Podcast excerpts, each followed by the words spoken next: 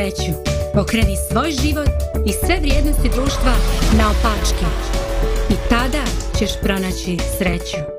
Program na opačke. Dobro jutro, dragi gledalci i slušalci Radija Pomirenje. Pozdravljamo vas i ovog prohladnog ponedeljka, mada sunce nam se pojavilo.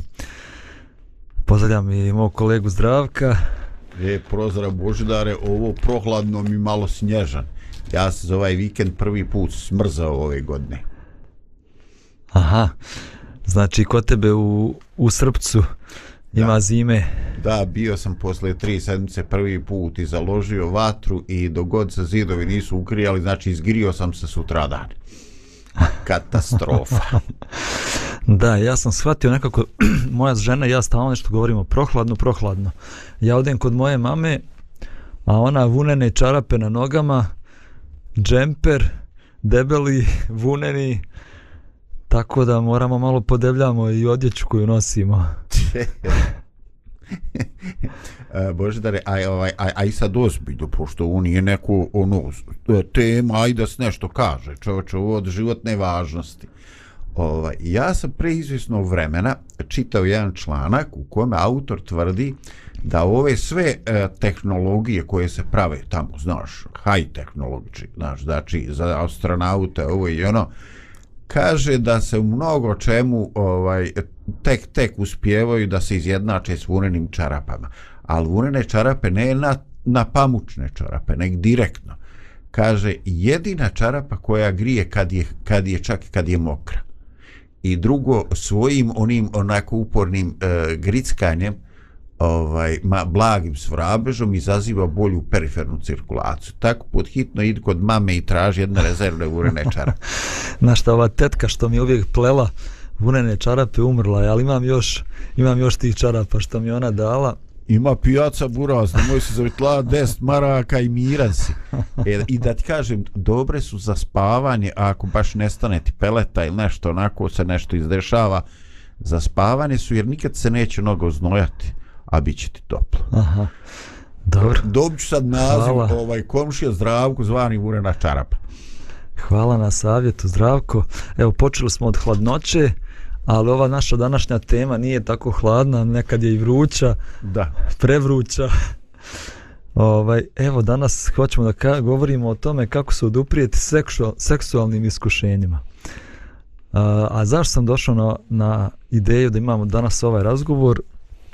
Prošle sedmice sam bukvalno svaki dan po sat, dva izgubio, mislim nisam izgubio, nego sam potrošio spašavajući brak mojih prijatelja. Jer je žena uhvatila muža kako gleda pornografiju. I to kad je išla tamo nad pretraživanja, shvatila da to nije jedan puta, nego da to trajalo godinama. Strašno je bila povrijeđena, osjećala se prevarenom, a on s druge strane osjećao se ponižen, osjećao se kriv. Tako da, evo, ne znam ni kako će se to sve završiti. Molim se Bogu za njih. Ali eto, to nije neki usamljeni slučaj. Nažalost, to je nešto uobičajeno u današnje vrijeme. A mi živimo u jednom društvu koje je opsinuto seksom. Znači, gdje god da se okrenemo, možemo da vidimo slike, časopise, na internetu svaki četvrti website je a, porno sajt kako se uopšte oduprijeti svemu tome. Evo, želimo danas malo o tome da razgovaram. Ako imaš ti neki komentar na ovaj uvod, Bo imam, sačkaš da bi ima 60 i neku i sve su to polako ni veliše. misliš da je tako?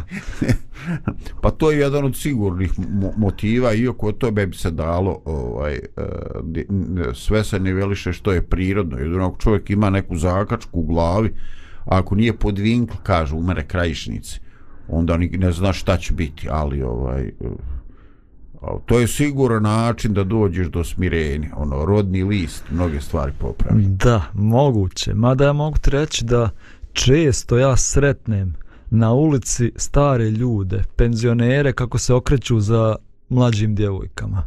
Što samo govori, možda oni nisu više u snazi toj koji su nekad bili, ali um još uvijek Projektuje slike. um još uvijek je ranjiv na iskušenja. oko njega. Tako da, eto, bili mladi ili stari, ta iskušenja se nalaze svuda oko nas i danas ćemo malo razgovarati o tome kako se oduprijeti svemu tome. Kako sačuvati jedan zdrav bračni odnos, kako sačuvati jednu zdravu moralnost, a okruženi smo i bombardovani smo takvim sadržajima i slikama svakog dana na svakom koraku.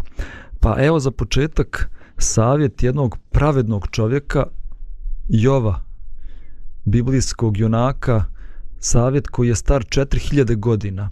Tamo u knjizi Jovu tako zanimljivo da eto i on prije 4000 godina se borio sa tim stvarima i onda kaže ovako učinio sam zavjet sa svojim očima da ne gledam požudno na mladu djevojku ne znam da li si nekad zapazio ovaj stih u Bibliji mene je baš iznenadio kad sam, kad sam ga pročitao. Kaže pravedni ovo kako je učinio zavjet sa svojim očima. Da ne gleda. Pa to je, to je ono, meni je to fantastično. Ovaj, ja znam mnoge ljude koji su ovaj eh, koji žive ja relativno moralan bračni život i koji su ovaj ne može im se pripisati neke stvari ali to ne znači da su ovaj e, imuni na taj e, na to što mi zovemo pogled E, čak sam slušao ovako razgovore odraslih ljudi, pa kaže za lijepim čeljadom se okrene i muško i žensko. Nema to veze sa nekim aspiracijama i željama. Ovaj, tako sve to, sve to prilično ovaj, delikatno i nisam siguran baš uvijek da razumijem uh, gdje se pronalazi motivacija, gdje je tu neki uh, utabana staza uma, neki naučeni obrazac ponašanja, ovaj, uh, sve je to prilično komplikovano ovaj i mislim da nije uvijek i nije obavezno ne radi se o, o, o tjelesnosti kao o želji. Da tu ima dosta onih stvari koje mi pronalazimo na području psihologije neke želje za borbom osvajanjem i tako. Dakle prilično je to kompleksno i to što mi zovemo tjelesnim jako je često duševni ili duhovni problem mhm mm Dobro, nisam siguran baš da razumijem ovaj tačno na što misliš kad gledaš nekoga da to ne mora biti što ovdje kaže pravedni ov sa požudom. A ne, ne, ne, nisam Ili govorio, šta? nisam govorio, nisam mislio to reći. Ovaj, e, dakle, e, ljudi, kad je nešto iskušenje, znači kad je nešto što čovjeka pritišća ili, ili prepoznaje to što ti kažeš ovaj, požuda, e, često se razlog ne nalazi u tome što postoje neke normalne prirodne potrebe koje su bi možda nezadovoljene. Ovaj, nego su razlozi, razlozi psihičke prirode znači nije tijelo to kao mi imamo običaj reći ovaj, tjelesna iskušenja ono što mi zovemo tjelesnim iskušenjima jako su često psihološki problemi i, neke sasvim druge stvari ko, i koji uzrok se leži znači u psihi i u nekoj deformisanoj duhovnosti, ne toliko u nekoj realnoj potrebi koja čuči u čovjeku i koja nije na neki način zadovoljena. Da, da, smislu. razumijem, razumijem o čemu govoriš sad. Uh, naravno, uh, najčešći uzrok ljudi koji, uzrok za ljude koji odlaze u različita iskušenja, zavisnosti, je bijeg od realnosti života. Realnost je previše bolna, pa oni odlaze u nešto što nije neka njihova osnovna potreba, ali eto, nalaze neko zadovoljstvo tamo.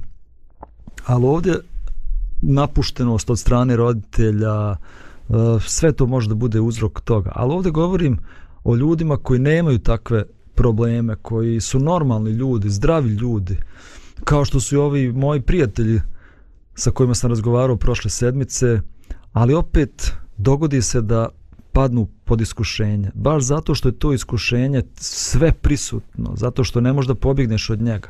I zato mislim da je mudar ovaj savjet koji smo pročitali u Svetom pismu, pravednog Jova koji kaže učinio sam zavjet sa očima svojim. Uh, zašto je on učinio zavjet sa očima svojim? Šta misliš? Pa vjerojatno to je senzor preko koga se vrši atak, ne nego u psihu vjerojatno je to putanja preko koje on ulazi u područje koje, koje ne smatra da mu čini dobro. Sigurno, zato što je on želio da bude dobar i moralan čovjek. Uh, zato što je težio ka tome da, da bude čist. A primijetio je da postoji iskušenja koja, koja ga čine ranjivim. Da bi ostvario taj svoj cilj, da bi bio čovjek kakav želi da bude. I zato je postavio, zato je učinio zavjet sa očima svojim. Rekao, ne želim da gledam. Pa evo, baš zato i mi bismo trebali muškarci, pogotovo mi muškarci smo ranjivi na, na pogled. Baš zato što želimo da budemo dobri ljudi, zato što želimo da budemo pošteni, zato što želimo da budemo moralni. Zbog tog razloga bi trebalo i mi da postavimo jedan zavjet sa svojim očima, da kažemo svojim očima ne gledaj, ne obraćaj pažnju, skloni pogled. Pa evo, razgovarat ću malo dublje o svemu tome. Hajde da napravimo jednu malu pauzu pa ćemo onda da nastavimo dalje. Može.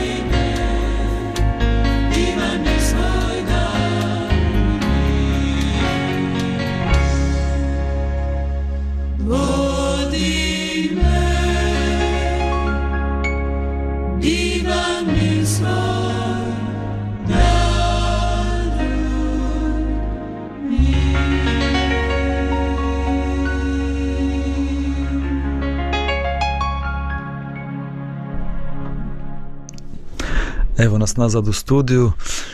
Razgovaramo o temi kako se oduprijeti seksualnim iskušenjima koji se nalaze svuda oko nas. Čitali smo tekst iz Svetog pisma koji u kome pravedni Jov prije 4000 godina kaže učinio sam zavjet sa svojim očima da ne gledam požudo na mladu djevojku.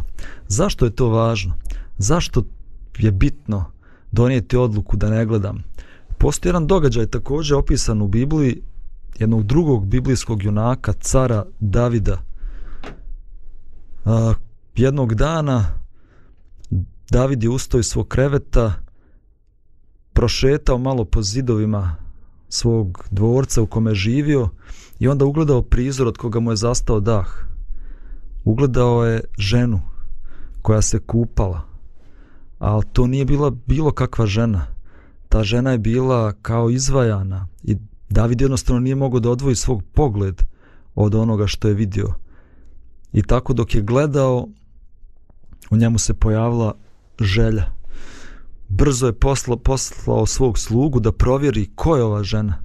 I sluga dolazi i kaže mu, care, ta žena se zove Vicaveja, žena Urije Hetejna. Drugim riječima, care, budi oprezan, zato što je ova žena udata. Ali car više nije bio oprezan, car, njegov mozak više uopšte nije radio, on dovodi tu ženu, spava sa ženom, onda je šalje kući. Muž je bio na ratištu, nije bio tu s njom. Uh, nećemo sad detaljno da se bavimo ovim događajem, možda ćemo to uraditi sljedeći put u našoj emisiji, ali evo hoćemo da samo spomenemo važnost tog pogleda. Šta je bilo to što je prouzrokovalo taj Davidov pad? Preljubu koju učinio kasnije ubijstvo njenog muža. Sve to se dogodilo zbog jednog pogleda trenutka kada David nije učinio zavjet sa svojim očima, kad nije sklonio pogled i kad nije otišao, bez obzira što mu je taj pogled toliko se sviđao. Siguran sam zrako da ste čitao ovaj događaj mnogo puta. Ne znam da li imaš neki komentar. Pa ne znam, brate. Ranjivi smo, mi ljudi smo ranjivi. Ovaj, znači, e, ti si spomenuo riječ zavjet e, koliko god bilo to ovaj čudno jer ljudi sad očekaju da su zavjeti za nešto ono veličanstveno postiću Bogu pa ako mi uspije projekat ako zaradimo dvojiću za siromašne pa zavjet ovaj zavjet onaj pa nam iz te perspektive nešto ova priča ovaj o, o zavjetu za pogled djeluje kao nešto, eto, ko ti brani, šta što ti praviš avjet, ono, sam ti ponašaj normalno i gledaj ono što ti je kod kuće ali ovaj e, očito je da smo mi e, tako konstruisani da imaju neke tanke karike u mentalnom našem lancu. E, postoji jedan nešto što se zove crni humor i u tom humoru kažu ovaj muškarac je osjetljiv na ono što vidi, a žena na ono što čuje. I kaže zato se žene šminkaju, a muškarci lažu. Ovaj tako da to je ovaj e, rekoh već to je već crni humor al crni humor koji se oslanja na neku našu na neku našu realnost na nešto što je postoji u našim životima i što potencijalno može nam nanijeti bol nama i onima koje volimo definitivno i unakaziti upropastiti naše živote da, zanimljivo. Evo danas ćemo mi baš govoriti o tome da žene ne moraju da se šminkaju u ne tom direktnom smislu, niti muškarci moraju da lažu. ovaj, ali evo doćemo do toga do kraja emisije. E, eto, zanimljivo da David, to nije bio neki loš čovjek. Mi znamo za Davida da je bio čovjek koji je volio Boga, koji je volio ljude, koji je činio herojska dijela, koji je napisao tolike psalme. I on, takav čovjek, tako duhovan čovjek, tako moralan čovjek, tako snažan čovjek, je pao na tom iskušenju. Zato što je bio opušten zato što nije pazio na ono što gleda zato što je smatrao pa jedan pogled pa neće se ništa strašno dogoditi od jednog pogleda. Ali ipak nešto strašno se dogodi kad mi previše dugo zadržimo pogled. Um, ajde malo da govorimo o tome kako koliko je Rekli smo sami da je kritično važno da treniramo svoje oči da sklanjaju pogled. A kako da to radimo i kako da treniramo svoje oči da sklanjaju pogled? Ajde malo o tome da razgovaramo. Ili imaš neku ideju? Ovaj, pa ja, ja sam bio u, ovaj, u, u situaciji da razgovaram sa ozbiljnim ljudima ovaj, o tome ovaj, e, jednostavno e, problem je što se što su u našoj kulturi ti si spomenuo medije i tako ovaj e, znači gotovo u svakome filmu imaš te elemente i to se neprekidno e, lansira kao nešto ovaj normalno. I onda kao snime film o jednoj temi a onda provlače kao light motiv ovaj e, neš, nešto drugo znači postoji stalna sugestija ovaj e, o određenim oblicima ponašanja i ljudi koji sebi dozvoljavaju ovakve izlete u stvari predstavljaju se kao, kao sasvim dobri, korektni ljudi, možda ljudi koji na neki način vole svoju porodicu, koji su poslovni, ozbiljni i tako. E, dakle, postoji sistematsko djelovanje na, na psihu današnjeg čovjeka ovaj, koje je tako snažno i tako smisleno usmjereno ovaj, da je zaista upitna izjava da smo mi hrišćanska civilizacija. Mislim na Evropu, ne mislim ni na jedan konkretno narod ovdje u Bosni i Hercegovini. Ovaj, e, dakle, evo mi, mi smo vidjeli ovaj, e, koliko je bilo nekih protesta u zadnjih godinu dana u Beogradu, u Zagrebu, E, ljudi koji su klečali multice Bogu protiv abortusa, zatim kontraprotest u Beogradu, e, moje tijelo, moja stvar, crkva, popovi i dalje ruke od mene. Ovaj, I onda e, sve je to okej, okay, dok ne shvatiš da to ovaj moje tijelo predstavlja još neko tijelo. Ovaj često se to odnosi i na život neke nerođene bebe koju je Bog dao taj život i koji mi jednostavno ne želimo da oni dođu ovaj na svijet jer su produkt tog nekoga e, života koji nije život odgovornosti. Ovaj ja ne znam znam da je puno stvari protiv čovjeka i pogotovo protiv mladoga čovjeka ovaj ali e, znam da jedna stvar funkcioniše i to svjedočim u, u svoga života. E, onaj period e, kad razvijamo razumijevanje, ovaj, e, kad smo u periodu kad imamo bliske odnose ovaj, e, povjerenja, e, saučešća, kad zajedno prolazimo kroz neke probleme, kroz neka iskušenja zajedno sa svojim supružnikom, suprugom, suprugom, ovaj, kad imamo zajedničke molitve, onda nemamo nikakva iskušenja. Dakle, kad nas ujedini neka zajednička potreba, ovaj, kad nas i ujedini neko zajedničko iskušenje, kad jednostavno vidimo da postoji određeni duhovni napad na naš dom, da li je on zdravstveni, da li bilo kakav drugi, ovaj, mi se tad sjedinjujemo, mi tad prizivamo gospoda u naše domove i tada ovaj, iskušenje gubi moć. E, kad se e, udaljujemo jedni od, od drugih onda e, na ovaj ili onaj način ovaj čovjek biva iskušava ovaj i ako ništa drugo ovaj e, ljudi prestaju biti toliko prisni oni koji žive zajedno e, zaboravljaju da tu prisnost iskazuju jedni drugima i to je već mislim znak za uspon Pa da, ja slažem se s tobom. Sigurno da blisko sa, sa bračnim drugom čini iskušenja neprivlačnim.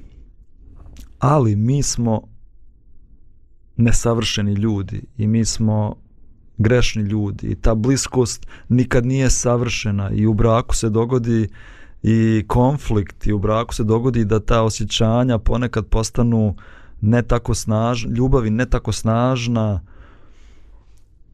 E, zbog toga ne treba se oslanjati samo na to, nek treba ipak postaviti neke ograde oko svog života. E, a te ograde su za nas muškarce posebno zavjet sa očima. Ne želim da gledam.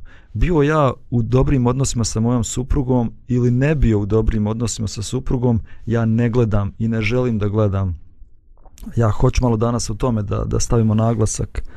E, mnogo brakova, dobrih brakova, gdje su bračni drugovi voljeli jedni druge, su propali zato što pogotovo muškarci, a često i žene, nisu bili oprezni, nisu postavili granice u svom životu, nisu rekli šta gledam, a šta ne gledam ili dokle dokle su te granice u mom životu.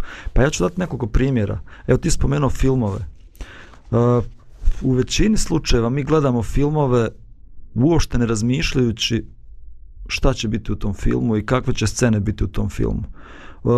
Čuli smo dobar je film, dobio je ne znam koliko nagrada i mi gledamo taj film, odemo u kino, gledamo taj film.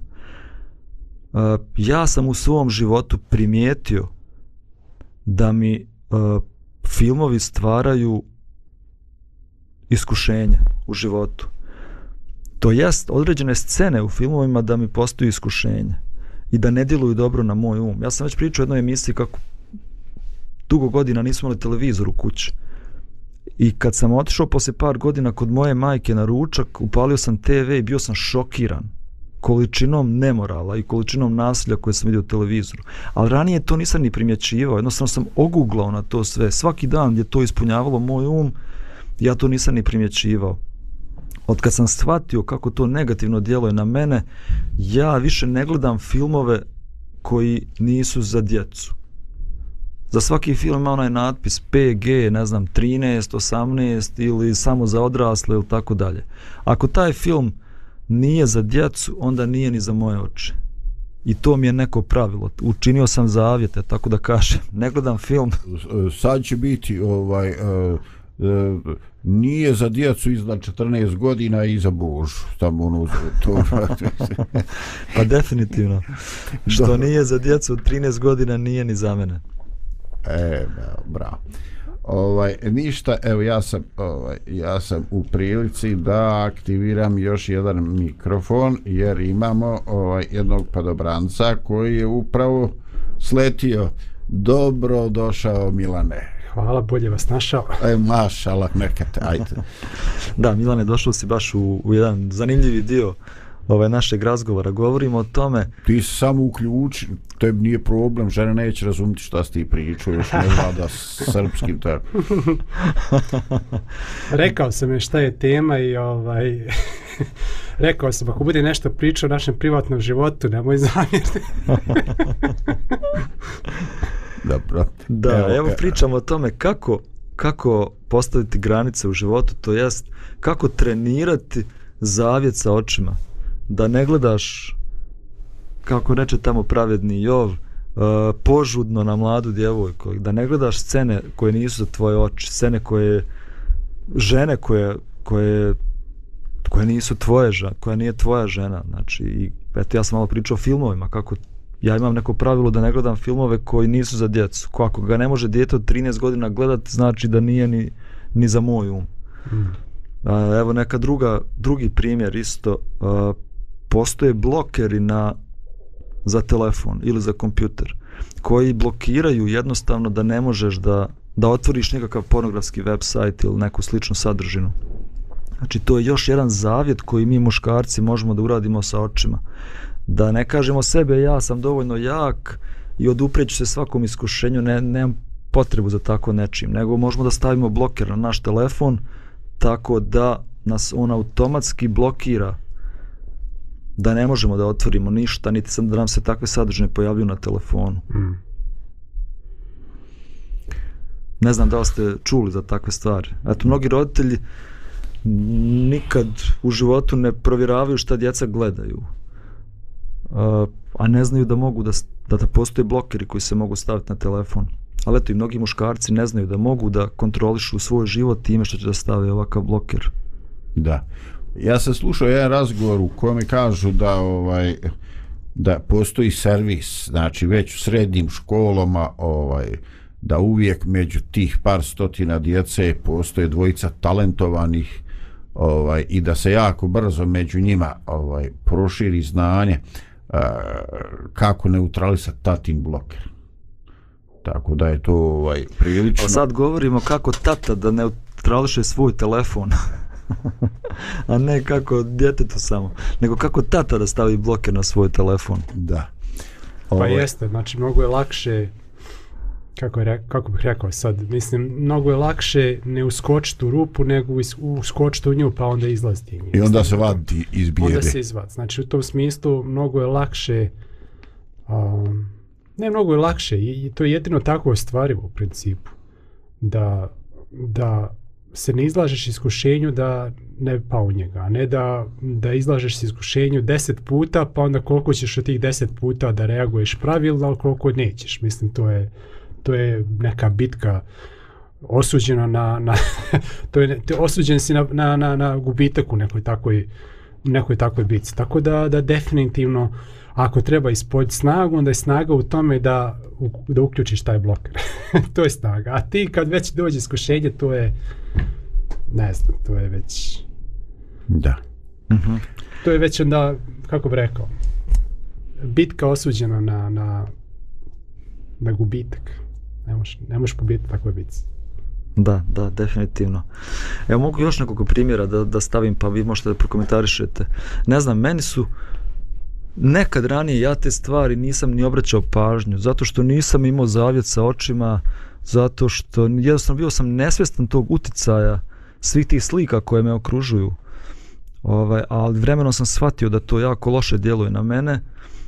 Uh, billboardi, na primjer, dok sam vozio auto. Pa većina billboarda ima tako slike provokativnih žena, ne znam, reklama za pivo, tu je neka provokativna djevojka. Pa čak i za stojadinu na američka verzija. Da. I nekako ranije kad sam vozio auto, uvijek mi bilo nekako drago da vidim takav neki billboard, nekako prijati očima tvojim. Ali mogu reći da danas stvarno sklanjam pogled. Ako, ako često prolazim kroz neku ulicu gdje ima takav billboard, ja čak promijenim ulicu, više neću idem tom ulicom. A nije li to neki oblik već uh, neki oblik već ovaj fiksiranosti? Evo ja bih želio da ja bih želio da ovaj uh, da, da uh, budem u takvom stanju uma da to ne primijetim. Razumeš, znači bez obzira što je tu. Ovaj jer uh, postoji uh, postoji jedna priča o tome da određeni uh, određeni e, fiksacija na problem, uzdržavanje, što svakako ima. Ja zaista ne želim poreći taj pristup, ovaj da donosi rezultat. Ali jedan ponekad od nus produkata je da se mi e, Eh, određeni procenat mozga, da ko ono u kompjutoru imaš keš memorija koja ima unapred učitane neke stvari. Na primjer, ako jedan sajt posjetiš ovaj mjesec dva puta, a drugi posjetiš 32 puta, ovaj keš memorija je tako organizovana da će one neke sadržaje od toga sajta koji češće posve, posjećuješ, ona će već imati učitano radi bržega. I onda će, kad ga sljedeći put, 33. put posjećuješ, on već ima 70% sadržaja i onda u kako ga brzo učitava. Nije, radi cache memorije. Bojim se da je sa i mi na neki način određeni dio te cache memorije ovaj, posvećujemo, posvećujemo nekim stvarima ovaj, i mm, zaista ne niječem potrebu čišćenja uma i mentalne higijene. Ali ovaj eh, postoji nešto drugo. Eh, s, eh, postoji čišćenje suda i postoji nešto što se zove čišćenje suda drugačijim sadržajem. Dakle, kad je taj sud, kad je posuda popunjena drugim sadržajem, onda za taj neželjeni sadržaj ima manje mjesta, čak i da nešto uđe. E, također ima jedna priča, Božo, ovaj, ja, dakle sad ja ne oponiram tom pristupu i mislim da on donosi rezultate o kojem ti pričaš, nego pokušavam, e, pokušavam staviti pred nas razmišljanje o nečem drugom. I ima ona Isova priča kad se čovjek ovaj kad e, zao duh napusti čovjeka i kaže kad se vrati nađe ga e to je ono što mene onako kao čovjeka ovaj na neki način uznemirava. Nađe ga pometenoga i ukrašenog znači ne samo da je očišćeno nego su određene konstruktivne radnje rađene. Nešto je ukrašeno složene su stvari. Krenula je reorganizacija sistema života i onda kaže vrati se i uzme deset gorih u sebe i bude potonje čome čovjek gore nego što je bilo. Ovaj, e, dakle, e, jednostavno e, razmišljam i neki moj ideal, iako ti ja ne mogu svjedočiti da ja nisam imao i ovih i onih pokušaja uspješnih i bezuspješnih u životu, u različitim oblastima života, ali ovaj e, definitivno e, ono što sam ja u životu po, pobjedio ili što je meni Bog dao da budem uspješan e, nije se toliko ostvarilo kao rezultat moje samokontrole i pažnje. Ovaj, nego jednostavno e, dođe neki klik, neki kvantitet e, odbojnosti ili, ili želje za drugim zdravim sadržajima naraste tako da čovjek jednostavno klik je neki u glavi i to se ovaj e, to se ovaj e, promijeni ovaj e, šta znam svi mislim 95 8% muškaraca je prije ili kasnije gledale takve scene ovaj ali možda treba razmišljati i o tome da naš um bude popunjen nekim drugim sadržajima i onda će bukvalno u toj čaši ostati manje prostora za dosipanje neželjenog sadržaja. Definitivno ja se slažem s tobom. Znači, jedno ne, od, ne odbacuje drugo. Ne isključujemo, da, Ne da, isključuje. naravno. Jedno ne isključuje drugo. Ali ja ti mogu reći, u svom životu, uh, evo, ja sam došao na, u takvo stanje da ja više ne primjećujem te stvari. Evo, nekad, kad sam išao na plažu, ja sam uvijek primjećivao zgodne žene, uh, ali kad sam godinama praktikovao da ne gledam i da sklanjam pogled, ja sam došao do toga da ja više uopšte i ne vidim to na plaži, niti tražim to na plaži, niti mi je to potrebno. Ali to nije bilo tako e, ranije. Mi smo i čitali o Davidu koji je bio uh, moralan čovjek, koji je bio duhovan čovjek, pa jedan nepažljiv pogled Pisao je pjesme, pisao je psalme o Bogu, o iskustvima sa Bogom koji imao, ali jedan nepažljiv pogled je doveo do katastrofalnih posljedica u životu. Tako da jedno i drugo je bitno. Evo, Milana, izvoli. Evo, htio pa nešto recimo ja sam htio da kažem da, da je moje shvatanje i da je muški mozak napravljen tako da reaguje na žensku ljepotu. E sad se vi možete saglasiti ili ne, ali onako poznavajući naš muški rod, ja mislim da je to možda čak i Bog tako stvorio. Zadatost koja je još deformisana našom prirodom, misliš?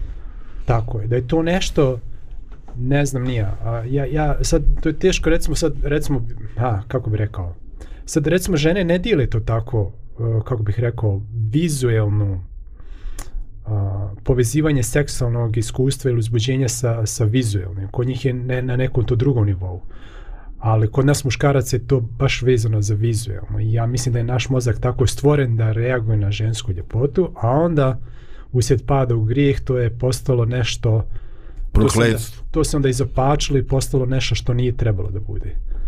Um, I u tom smislu um, bilo kakav ne znam, najljepši pejzaž na ovoj zemlji, na planine, ne znam, nija, su, zalazak sunca ili kakve god a, je ljepote Bog ugradio u, u svijet prirode, ne mogu se pored kad čovjek a, a, vidi žensku ljepotu. Ta, tako naš mozak reaguje. Sad vi možete reći nije tako, jeste tako, ali recimo tako sam ja slušajući neke i, i, i kroz introspekciju i slušajući moje, mnoge moji prijatelji i muškarci koje poznajem, mislim da je to tako. I sad, um, u tom smislu, um, ono što ti zdravku govoriš, meni se čini da, e sad recimo, također sam čitao, vraću se na ovo što sam rekao, također sam čitao jedno istraživanje o praktikovanju seksualnih odnosa između recimo ljudi koji su nižeg nekog obrazovanja i između nekih koji su, ne znam, fakultetski obrazovani. I stvarno je ustanovljeno da ovi koji su nižeg obrazovanja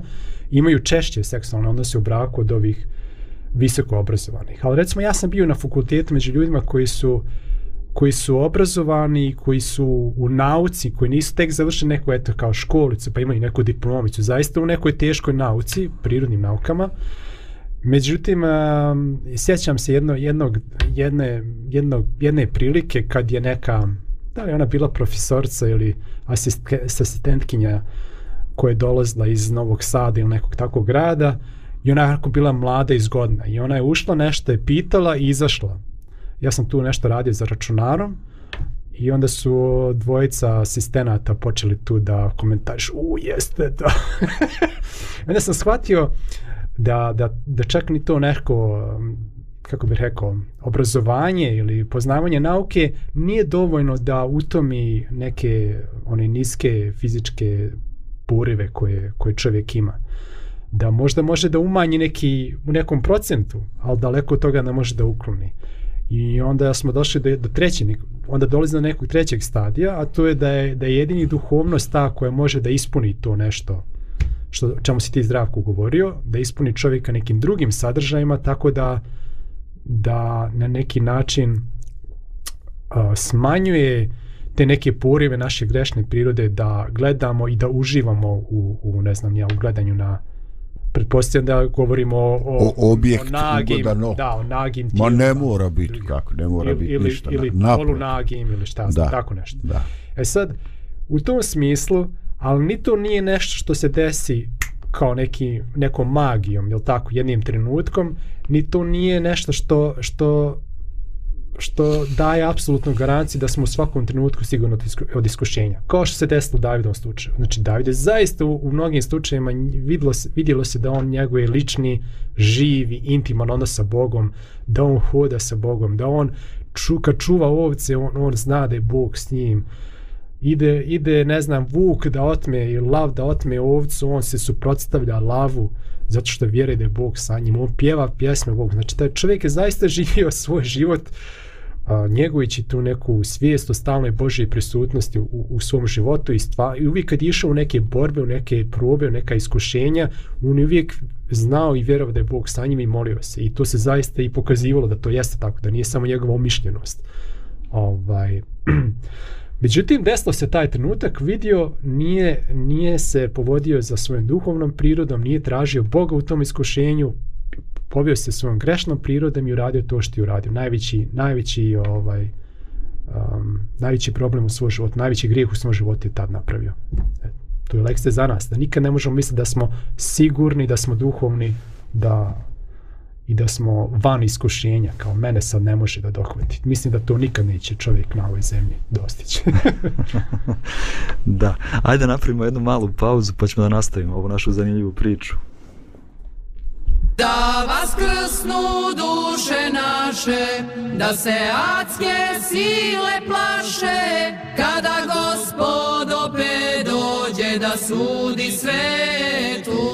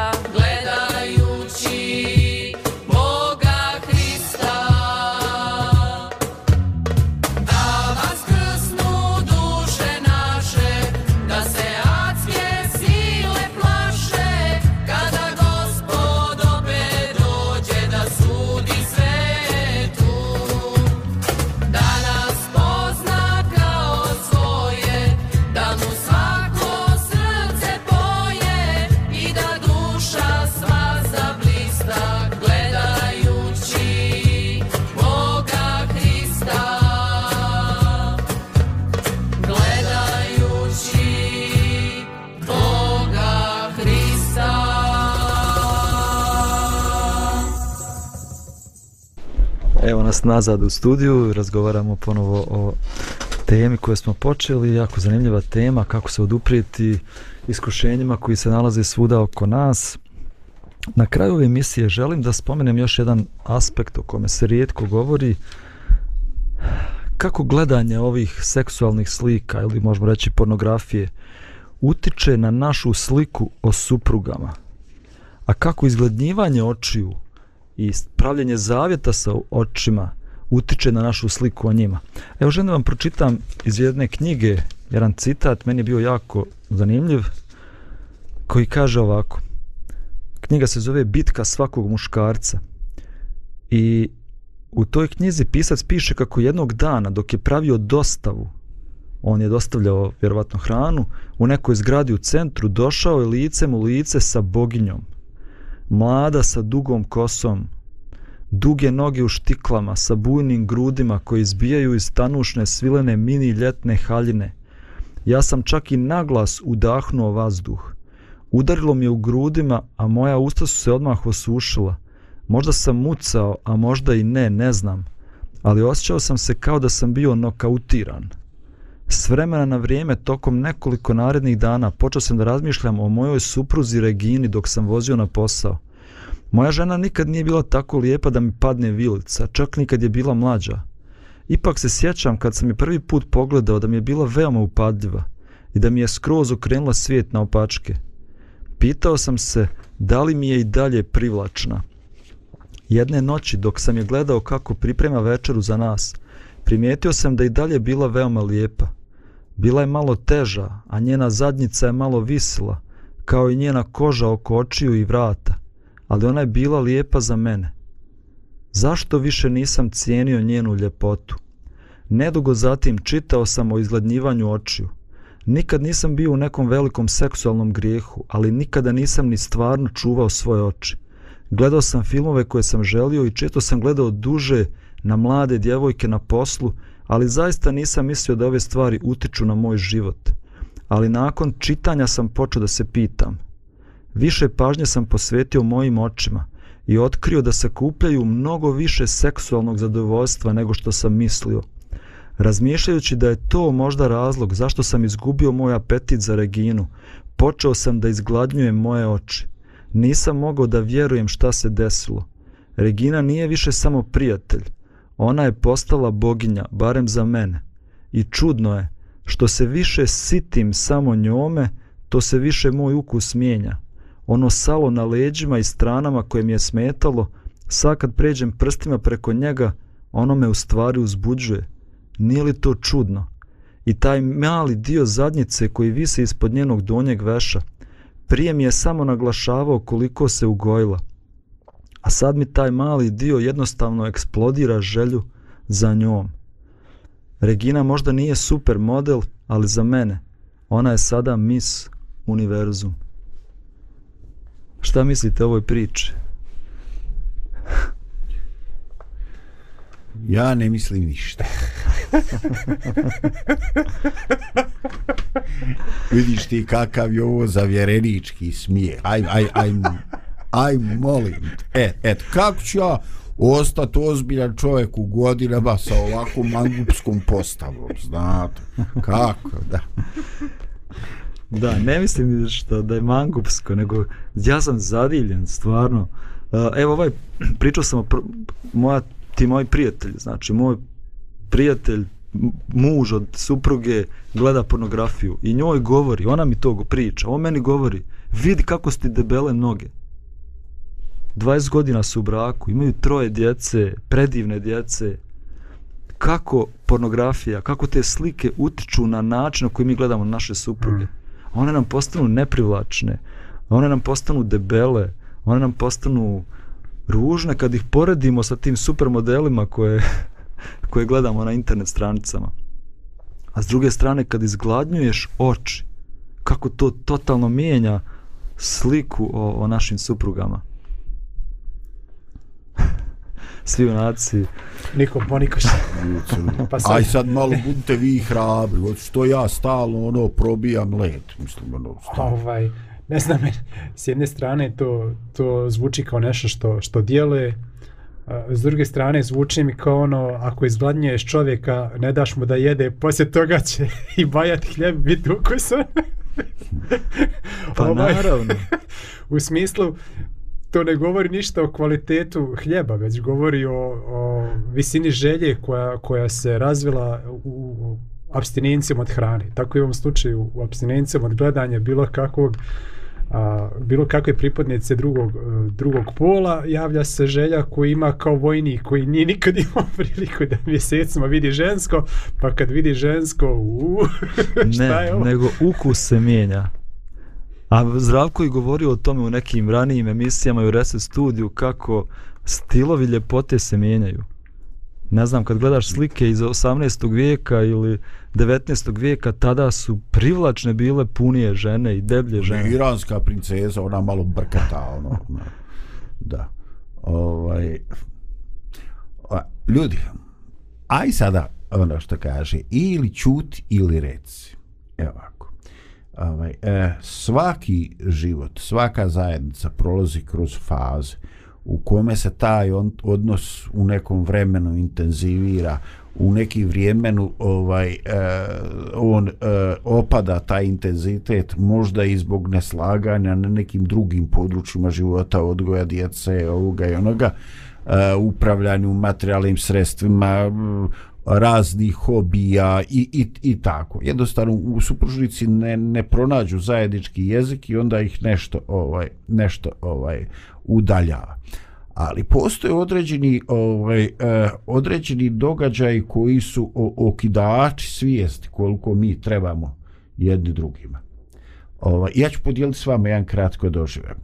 E, znači ja sam bio u nekim patikama za kojeg sam smatrao da su jako dobre za ovaj kost travu kosilicom i e, tu kod jedne kuće za odmor ovaj sam kosio travu i pošto sto velika već nadmorska visina tamo uobičajeno moraš malo da paziš jer na svaki desetak metara neki bijeli kamen viri ovaj iz ovaj, viri iz trave.